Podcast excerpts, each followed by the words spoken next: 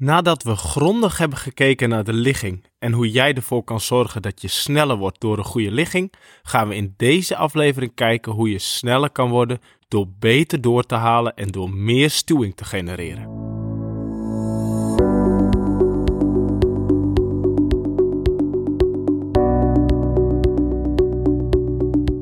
Welkom bij de First to T1 podcast. De podcast voor triatleten en zwemmers. In het zwembad en het open water voor beginners en gevorderden.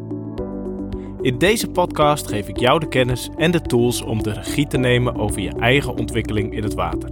Zo word je sneller en wordt zwemmen leuker. Mijn naam is Janko Nolles. En dit is aflevering 9 van de podcast. Na een week techniekpauze, althans een week waarin we niet de diepte zijn ingegaan op een specifiek thema, pakken we de serie over de techniek weer op. De afgelopen weken hebben we gekeken hoe je je weerstand zo laag mogelijk krijgt, hoe je zo strak mogelijk door het water kan gaan.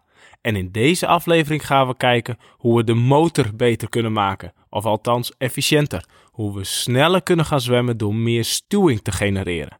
We gaan de diepte in op de doorhaal, een van de belangrijke aspecten van de hele armslag. Er zijn er nog een paar, maar deze aflevering focust zich op de doorhaal, te kijken hoe een goede doorhaal eruit ziet en met een tweetal oefening, oefeningen om met de doorhaal aan de slag te gaan. Maar voor we daaraan beginnen, zoals elke week, de tip van de dag. En de tip van deze week is voor iedereen die het nog moet doen met trainingen in een koud zwembad en er daarbij voor kiest om een wetsuit aan te doen. Een belangrijke tip daarvoor is: probeer regelmatig een stuk te zwemmen zonder wetsuit.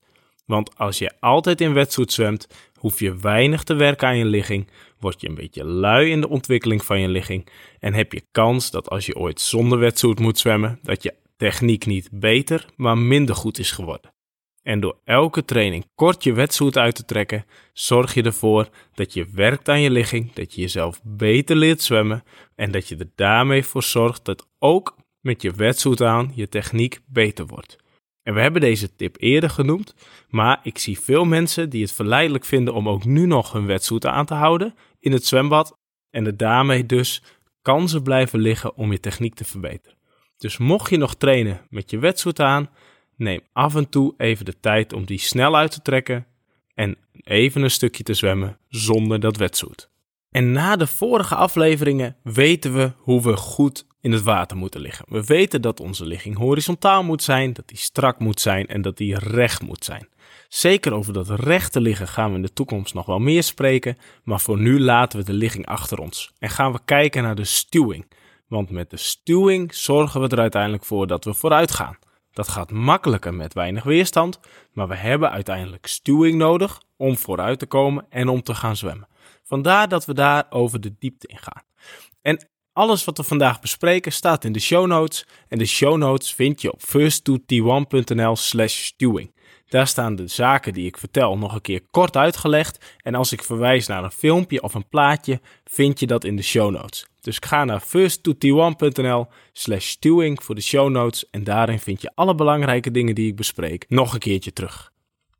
En de vraag van vandaag is dus: hoe gaan we zo efficiënt mogelijk vooruit? Hoe zorgen we ervoor dat als ik die arm van voor naar achter beweeg in het water, ik ook daadwerkelijk meters ga maken en zo snel mogelijk door het water heen kom? En om goed te begrijpen hoe je vooruit gaat, moeten we even terug in de tijd naar Sir Isaac Newton. Daar hebben we het eerder over gehad in de podcast. En we gaan het hebben over de derde wet van Newton. Want wat hij daarin zegt is actie is min reactie. Of eigenlijk betekent dat dus elke kracht de ene kant op levert een gelijkwaardige kracht de andere kant op. En voor ons betekent dat als wij naar voren willen, we naar achteren moeten duwen. En elke beweging die niet recht naar achter is, zorgt er dus voor dat we niet vooruit gaan. Op een aantal momenten is dat handig en willen we dus eventjes niet iets naar achter duwen. Maar over het algemeen is de stelregel: als je niet naar achteren duwt, ben je niet efficiënt aan het zwemmen. En daarbij is het goed om te beseffen dat je niet je hand naar achteren duwt, maar dat het doel is om die hand te parkeren in het water, helemaal vast te zetten en jezelf vooruit te trekken. Dus bij een 100% rendement komt de hand precies op dezelfde plek het water uit als waar hij erin gegaan is. En de vorige keer heb ik genoemd van ga maar eens op je bureaustoel liggen. Zet je hand tegen de poot van je bureau en trek jezelf naar voren. Dat is eigenlijk wat je graag zou willen doen in het water. Dus we willen uiteindelijk een slag waarin we recht naar achter duwen en daarmee onszelf voorwaarts bewegen. En wat ik zei, we doen dat door de hand te parkeren in het water. En dat betekent hoe meer het mij lukt om van mijn arm recht of verticaal in het water te zetten en naar achter te bewegen, hoe meer ik mezelf naar voren duw. Als ik dat alleen met mijn handpalm doe, heb ik maar een heel klein oppervlakte wat naar achter beweegt, waardoor er maar een klein beetje van mij naar voren gaat. Maar als ik mijn hele onderarm gebruik, heb ik een veel groter oppervlakte om de rem mee uit te zetten. Dus eigenlijk probeer ik een soort anker te maken voor mijn hand, wat ik parkeer, of van mijn onderarm, die ik parkeer in het water en waar ik mezelf overheen trek. En als ik daarvoor mijn hele hand en mijn onderarm kan gebruiken, heb ik een veel groter oppervlakte om die weerstand mee te creëren. En kan ik dus veel meer van mijn hele lichaam naar voren duwen. Dus het hele doel van een efficiënte doorhaal is met een zo groot mogelijk oppervlakte van je arm weerstand creëren die je in het water vast kan zetten en waarmee je vervolgens je lichaam er overheen kan trekken. En verder maakt het niet uit welke techniekpunten, want we hebben misschien wel eens gehoord van een vroege verticale onderarm of early vertical forearm of een hoge elleboog of weet ik veel welke zwembadtrainerstermen er gebruikt worden. Alles heeft uiteindelijk als doel om ervoor te zorgen dat je met een groot oppervlakte recht naar achter beweegt. En die twee termen die ik net noemde, als je daar nog nooit van gehoord hebt, perfect, hou er zo. En voor iedereen die er wel van gehoord heeft, besef, dit is voor wedstrijdzwemmers mogelijk interessant, maar wij gaan er uiteindelijk niks mee doen. En als het uiteindelijk blijkt dat we in de praktijk het wel doen, dan komt dat doordat we op andere dingen letten, maar we gaan niet specifiek proberen om een vroege verticale onderarm of om een hele hoge elleboog te creëren. Dus die twee begrippen noem ik even, maar die mag je in dit kader vergeten, want we gaan er niks meer mee doen. Enige wat wij willen doen is veel weerstand creëren om onszelf naar voren te trekken en vervolgens heel hard proberen onszelf over die arm naar voren toe te bewegen. In een Engelse podcast zei iemand dat eigenlijk komt een doorhaal erop neer: grip it en rip it. Pak het water en scheur het daarna door midden om jezelf naar voren te trekken. dat zijn de twee aspecten die eigenlijk de hele doorhaal goed samenvatten. De doorhaal begint eigenlijk met de insteek en het uitstrekken. Vorige keer gezegd, we steken in voor de schouder, strekken rechtuit naar voren toe. En bij dat uitstrekken willen we eigenlijk dat de hand recht naar voren beweegt en naar beneden. Een veelgemaakte fout in de borstkrol is dat die hand vervolgens weer omhoog gaat. Dus hij maakt eigenlijk een kuiltje. Hij steekt in, gaat naar beneden en gaat weer omhoog. En als hij omhoog gaat, creëert hij weerstand. Dat willen we niet. Je steekt in, strekt uit totdat die 10, 15 centimeter onder het wateroppervlakte is. En dat is een goed moment om de doorhaal te gaan beginnen. En we beginnen de doorhaal met wat vaak catch genoemd wordt. Maar in diezelfde podcast die ik net aanhaalde, zegt iemand dat is een gek woord, want we pakken niks vast.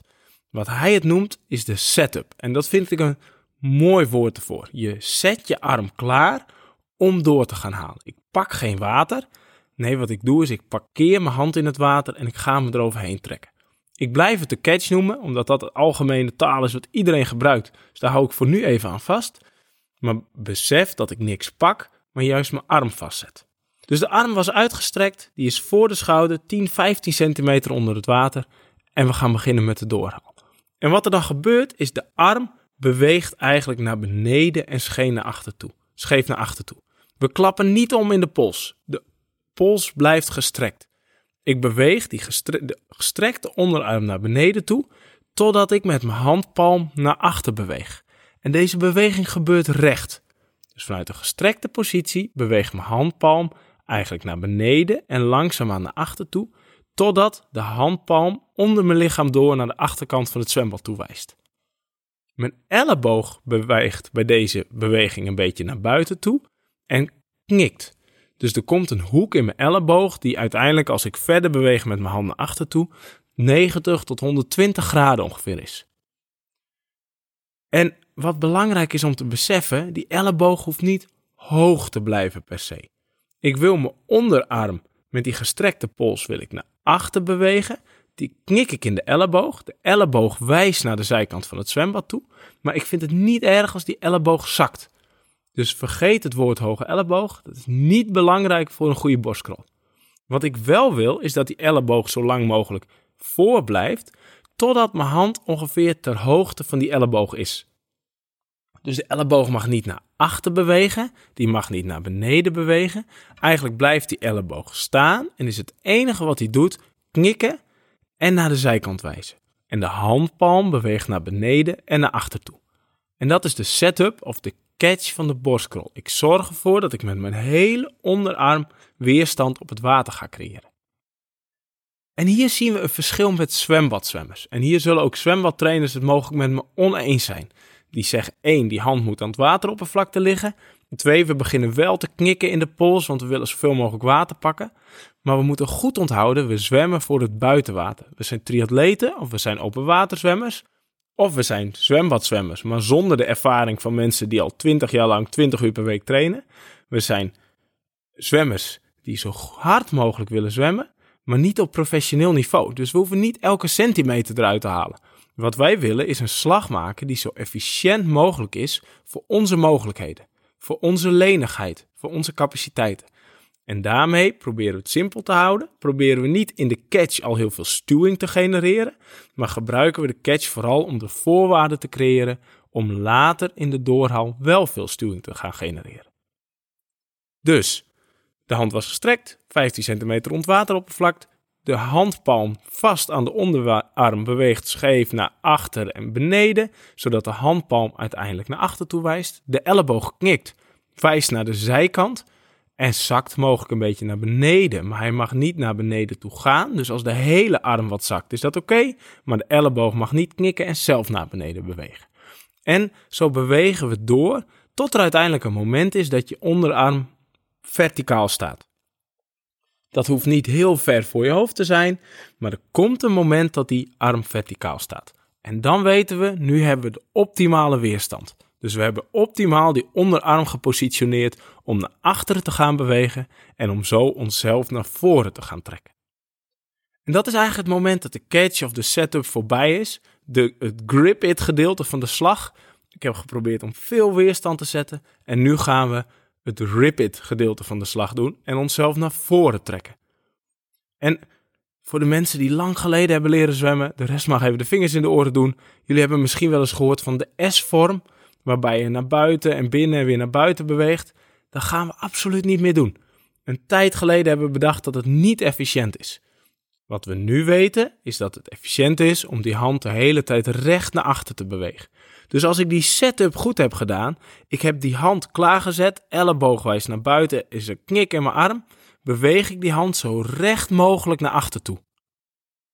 En als ik dat van onder zou filmen, dan zou ik daar heel misschien een beetje een S-vorm in zien. Maar dat is absoluut niet wat we proberen te doen. Wat wij proberen te doen is die hand zo recht mogelijk naar achter bewegen. En die hand komt in ieder geval nooit voorbij de navelneuslijn. Die blijft altijd daar buiten. En de hand gaat ook nooit wijder dan schouderbreedte. Dus vanaf het moment van de insteek, dat hij recht naar voren beweegt, de handpalm gaat zakken naar onder toe en vervolgens naar achter toe gaat bewegen, komt hij nooit voorbij de navelneuslijn en nooit buiten de schouderlijn. Want dan beweegt hij recht naar achter.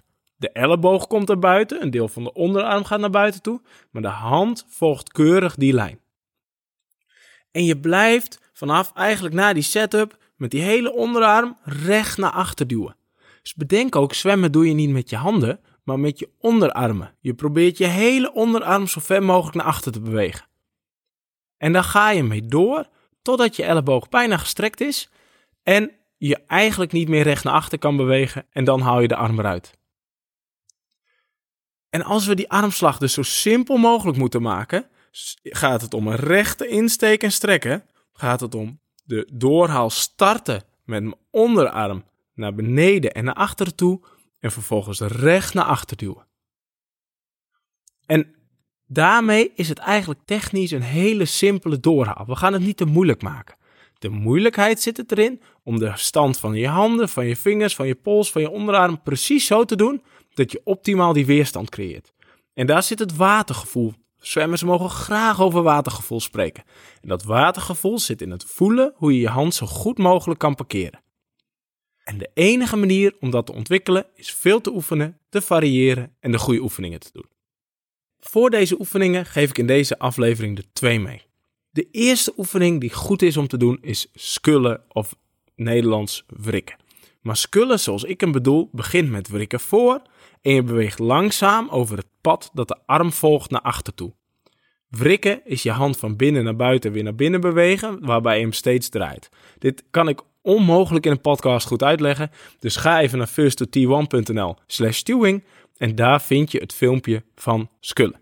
Dus ga daar even kijken. Oefening 1, goed om te doen, belangrijk om te weten, variëren is hier de sleutel, dus probeer hem elke keer net een beetje anders te doen.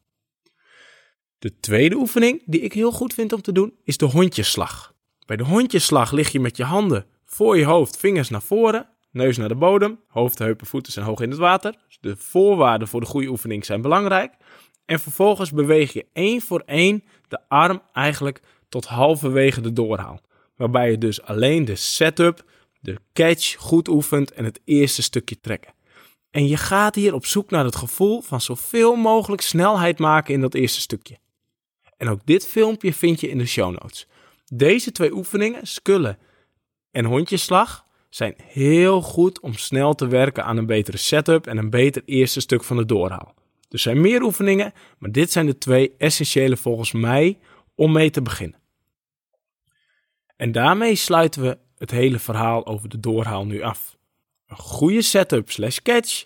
Daarna zoveel mogelijk weerstand creëren om jezelf daar overheen naar voren toe te trekken. En twee oefeningen om dat te doen. En met deze uitleg en oefeningen hoop ik dat ik jou meer kennis en tools heb gegeven om beter te worden. En met die kennis en tools gaan we dus nu ook afronden. En wil jij beter worden in zwemmen? En vind je het lastig om al deze dingen toe te passen, zoals nu over de doorhaal of over vorige week over de ligging? Dan kun je dit toch doen door gebruik te maken van mijn zwemschema's. Op first2t1.nl publiceer ik elke week vier schema's met bijbehorende filmpjes en uitleg om specifieke techniekoefeningen. Je krijgt elke week een klein mini-podcastje met uitleg over de thema's van die week en de belangrijkste oefeningen. En deze schema's zorgen ervoor dat jij richting het triath triathlonseizoen optimaal leert zwemmen. Deze schema's zijn gemaakt voor iedereen. Beginners, gevorderden, voor iedereen toepasbaar. Dus kijk een keertje op first2t1.nl.